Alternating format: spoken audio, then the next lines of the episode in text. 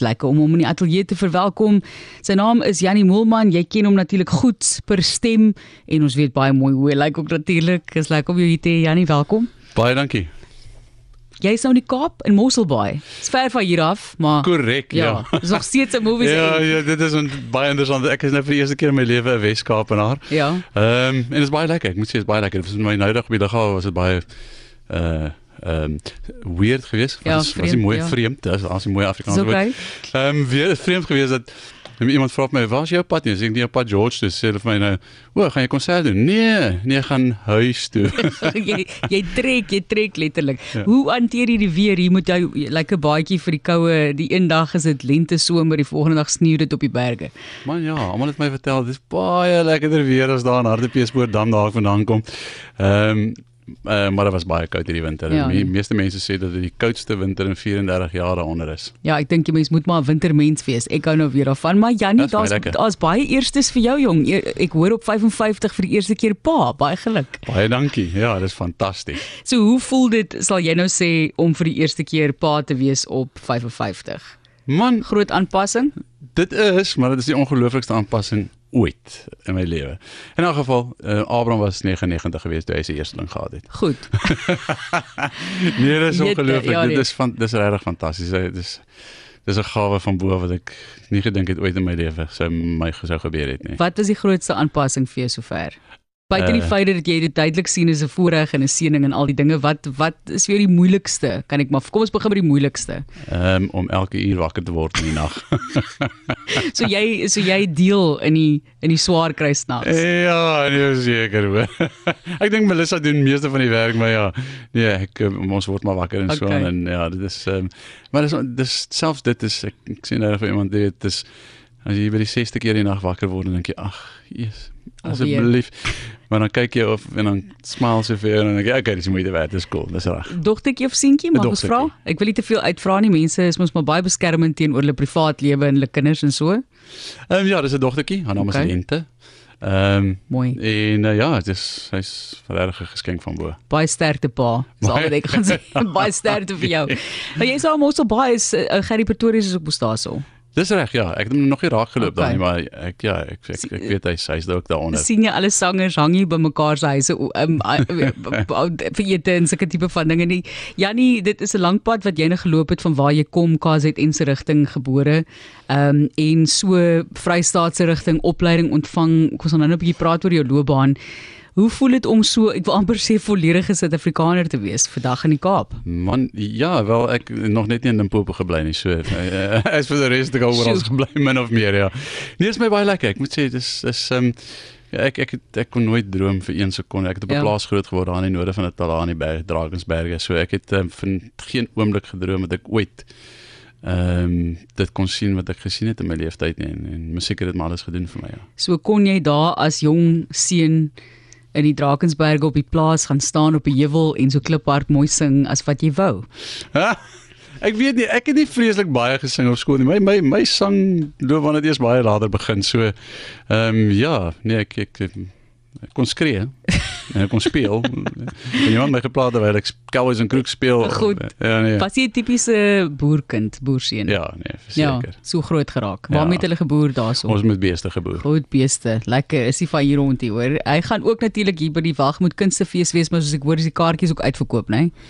Ja, ons vertoning is Vinnig. uitverkoop die die Geykos en Vinnig vinnig. Soos ek gesê het, gebore KwaZulu-Natal en hierdie opera loopbaan as tenor het in 1990 begin nadat hy sy graad in kommunikasiekunde aan die Universiteit van die Oranje Vrystaat voltooi het. Nou moet jy asseblief vir ons verduidelik. Jy het nie gesing as kind nie. Jy het dit nie studeer nie. Jy het natuurlik studeer of geleer by groot name, maar hoe in der ewigheid het jy op opera afgekom toe nou op die ou end van daai lang pad? Man, weet jy, ek het uh, so in my tweede jaar op universiteit um, het iemand my gesê die, die universiteitskoor toer Namibië toe en toe besluit ek ek was in my hele lewe nog nooit daar gewees nie. Toe doen ek audisie vir die universiteitskoor en toe kom ek nou in en um, ek het toe getoer en op toer toe sê ou naam van Lomond die Jager, hy was ook lank in die opera gewees. Toe sê hy vir my man, maar weet jy, jy kan actually geld maak uit die besigheid uit. En ehm um, jy kan daar by Siekhofs, dit was die streek een van die streeksade gewees by Fontein, die Sandro Pusie teater. Ons kan daar sing en geld verdien en hy tot vandag weet ek hy jok. Mens kan nie geld met my musiek maak nie. Jy ons het gedink julle musikante rol in die geld ja, wat, right. wat wat wat gaan aan daarmee? Ehm um, en dis ook begin sing. Dis ek het nie in die ad hoc koor begin sing ehm um, uh daai tyd en uh, ja, ek ek ek eers keer in my hele lewe opera gesien by die Sanderbusi teater. Dit was Madame ja. Butterfly geweest. En uh, dit het ehm um, ek het verlief geraak by kunsvorm en so my laaste jaar op universiteit het ek begin sanglesse neem en begin half myself klavier leer en musiekteorie en sulke tipe van goeters ehm um, En toe het dit 'n loopbaan geword. Ek het uh, toe klaar maak, moes ek nou besluit gaan ek nou regte werk doen of wil ek sing. En uh, toe het ek audisie gedoen vir vir die Staatsteater in Pretoria en ingekom daar in die, in die koor. En ja, dis toe ek so vir 2 jaar koor koorlid gewees en 2 jaar solis en toe ek begin vryskut werk doen in 1994.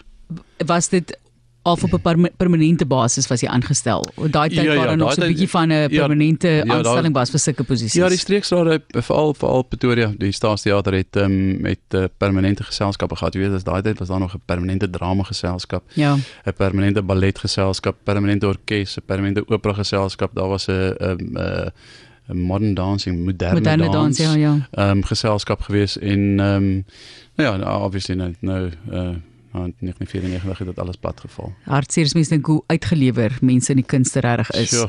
So wat is daarin met jy nou goed, jy het nou besluit jy gaan in daai rigting, maar waar jy nou besef goed, so ek hoef nou nie meer terug te val op 'n ander tipe van werk nie. Hierdie hierdie rigting wat jy nou inslaan met die passie wat jy daarvoor het, kan vir jou onderhou en lei tot 'n kind op 5 of 5 van 'n ja. gesin. Ja, weet ek um, ek het um, ek het altyd vir my sulke doelstellings daar gestel, weet ek sê ek gee jouself 4 jaar. As jy na 4 jaar nog weet jy hier kan betaal, dan nou jy nog 'n bietjie aan en elke keer het 4 jaar geword, 4 jaar en so en toe so dit maar uh, uiteindelik net ek is nou hier op 33 jaar wat ek dit uh, as 'n uh, professie doen. En ehm uh, soos ek sê, jy maak nog steeds nie geld nie. Nie dat mense jou flous nie.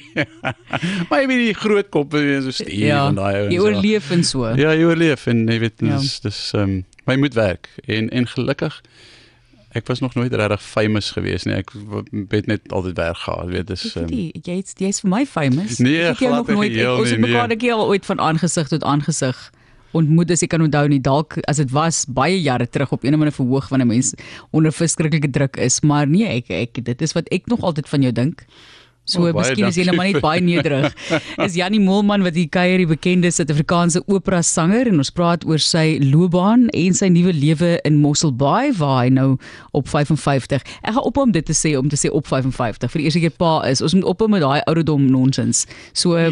jy jy doen dit wanneer jy dit wil en kan doen. maar ek weet jou liggaam vat Ek moet jou sê dit is ek dit is my wonderlikste ding ever. Ek regtig. Fantasties. En daar's baie min goed wat nou eintlik vir my meer saak maak, weet weet is um, enigste ek is soos al van 'n catch 22 situasie waar ek weet ek dit is al wat my saak maar ek is regtig amper half tot my ja. oor toe verlief op klein lente maar oh. maar dan weet ek ek moet elke ding wat ek nou doen moet ek tot die beste van my vermoë doen sodat ek weer werk kan kry want ek dink ek gaan werk tot omtrent op 99.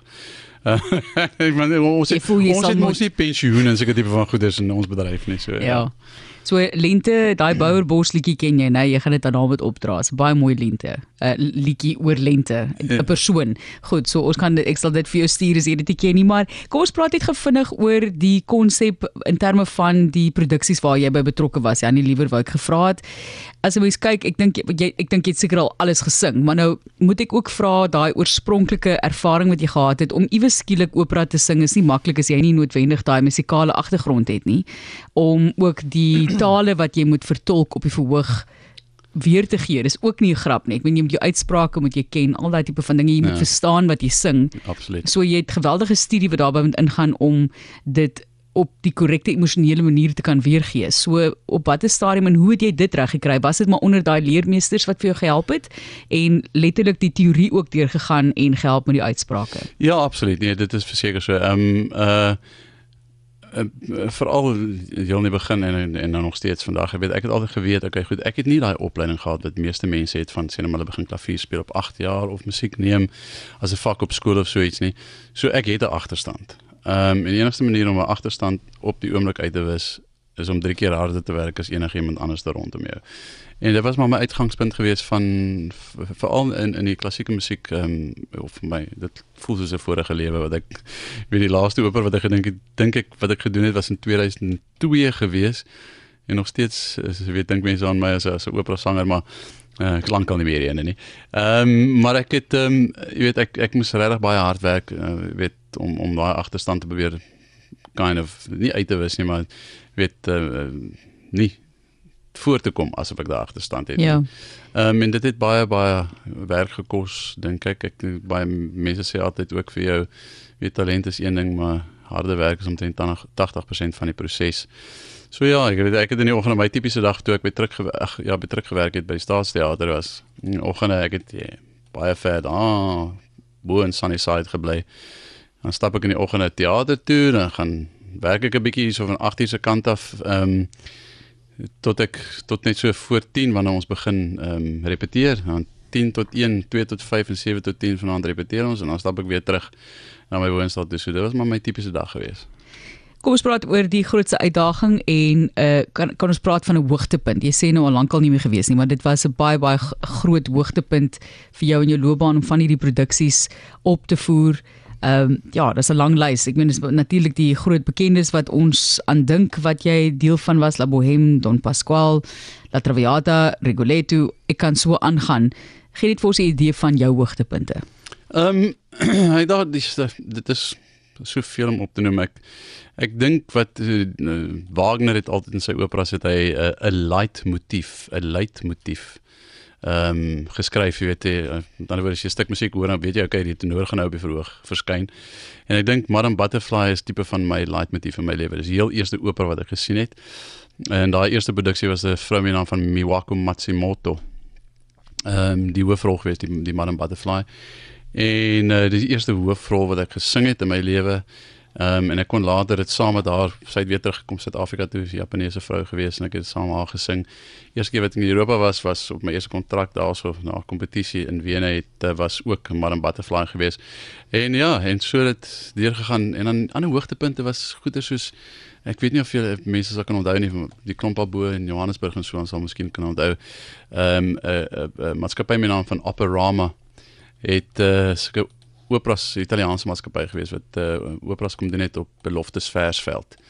En Madam Butterfly was die een wat ek daar gedoen het op Beloftes Versveld en vir so geweldige groot gehoor was dit nogal vir my lekker geweest om dit te doen. Maar ja, daar was baie hoogtepunte, ek moet sê, dit is my baie uitdagings. Ja, so as daar een liedjie is wat jy voel mense jou voor ken of moet luister, watter een sal jy voorstel? Oh my goodness, ek weet ek sê mos vir ek's nie famous nie. Ek het nie een of ander hit ooit in my lewe gehad nie. Nee, spesifiek ek, ek, ek wou nou so mooi graag iets vir jou gespeel het, maar ehm um, daar is verskillendes. Jy het in Corlia ook al baie opgetree en hier is iemand wat vir my 'n boodskap stuur op WhatsApp. Hierdie is aan Jannie Moelman, Granville uh, Michaels. Ek gaan dit net maar van lig af moet speel. Ek ken vir Granville, maar ek sal daai boodskap eers moet luister. ek is te bang om goed net direk te speel. Ja, dit is nogal so. So Granville, jammer, ek gaan dit ek gaan dit definitief vir hom van lig af speel. Uh Jannie, wat lê vir jou voor en wat kan mense byvoorbeeld deesdae verwag wanneer hulle by jou is vir 'n optrede?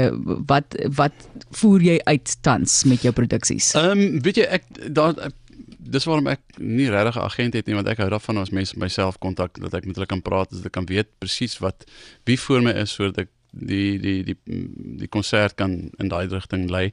Maar ek het so 'n klompie konserte wat ek doen. Dis een is maar net die gewone een wat gaan van ligklassiek tot by Afrikaanse musiek en so aan. En dan is daar een spesifieke een wat ek um, so 'n klompie jare terug begin het. Uh, ek het 'n ding raak gelees van um, Henry Purcell. Hy was 'n komponis so in die 1600s gewees.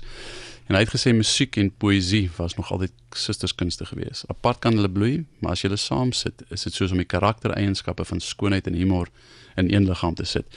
En dit het my geplaas op 'n roete waar ek ek doen 'n konsert wat ek net getoon sit 'n gedigte doen of um, liedjies van uh, wat ek glo ehm um, liedjies skrywer digters hulle self is.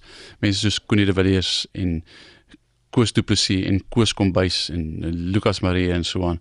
So daar's so 'n konsert wat ek doen ehm um, uh wat bestaan uit daai getoonsette gedigte en so aan. Ja. En dan is ons besig om te werk aan 'n aan 'n nuwe tipe van 'n konsep. Ehm um, of nee, dis nie 'n nuwe konsep nie, dis maar net dis nog 'n tribute show, maar Engelbert Humperdinck. Lekker. Ja, O, ek gaan Ek is gewild mal oor sy musiek, jy weet. ja. Lekker.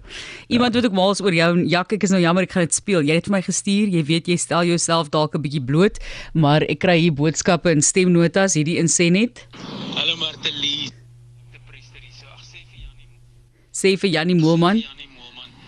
Ek is baie lief vir hom. Ek hoop ek sien hom gou weer. So baie sag, maar ek hoop jy daai so gehoor. Sê vir sê vir. Jannie Moelman, ek is baie lief vir hom en ek hoop hom ek sien hom gou weer. Dis Jak die priester daai. Eh, Jak. Wat dit gesê het so so van verskillende rigtings kom die boodskappe deur. Jannie baie sterkte met Lente, die nuwe baba in die Baie huis, uh, die enigste baba sover in die huis. Ons weet nie daar kom maar nog. Ehm um, maar ek dink hy wil eers slaap. Dit is dalk wat hy eers wil doen. Sterkte Jannie vir wat voor lê en geniet Mosselbaai, geniet die nuwe lewe. Baie baie dankie.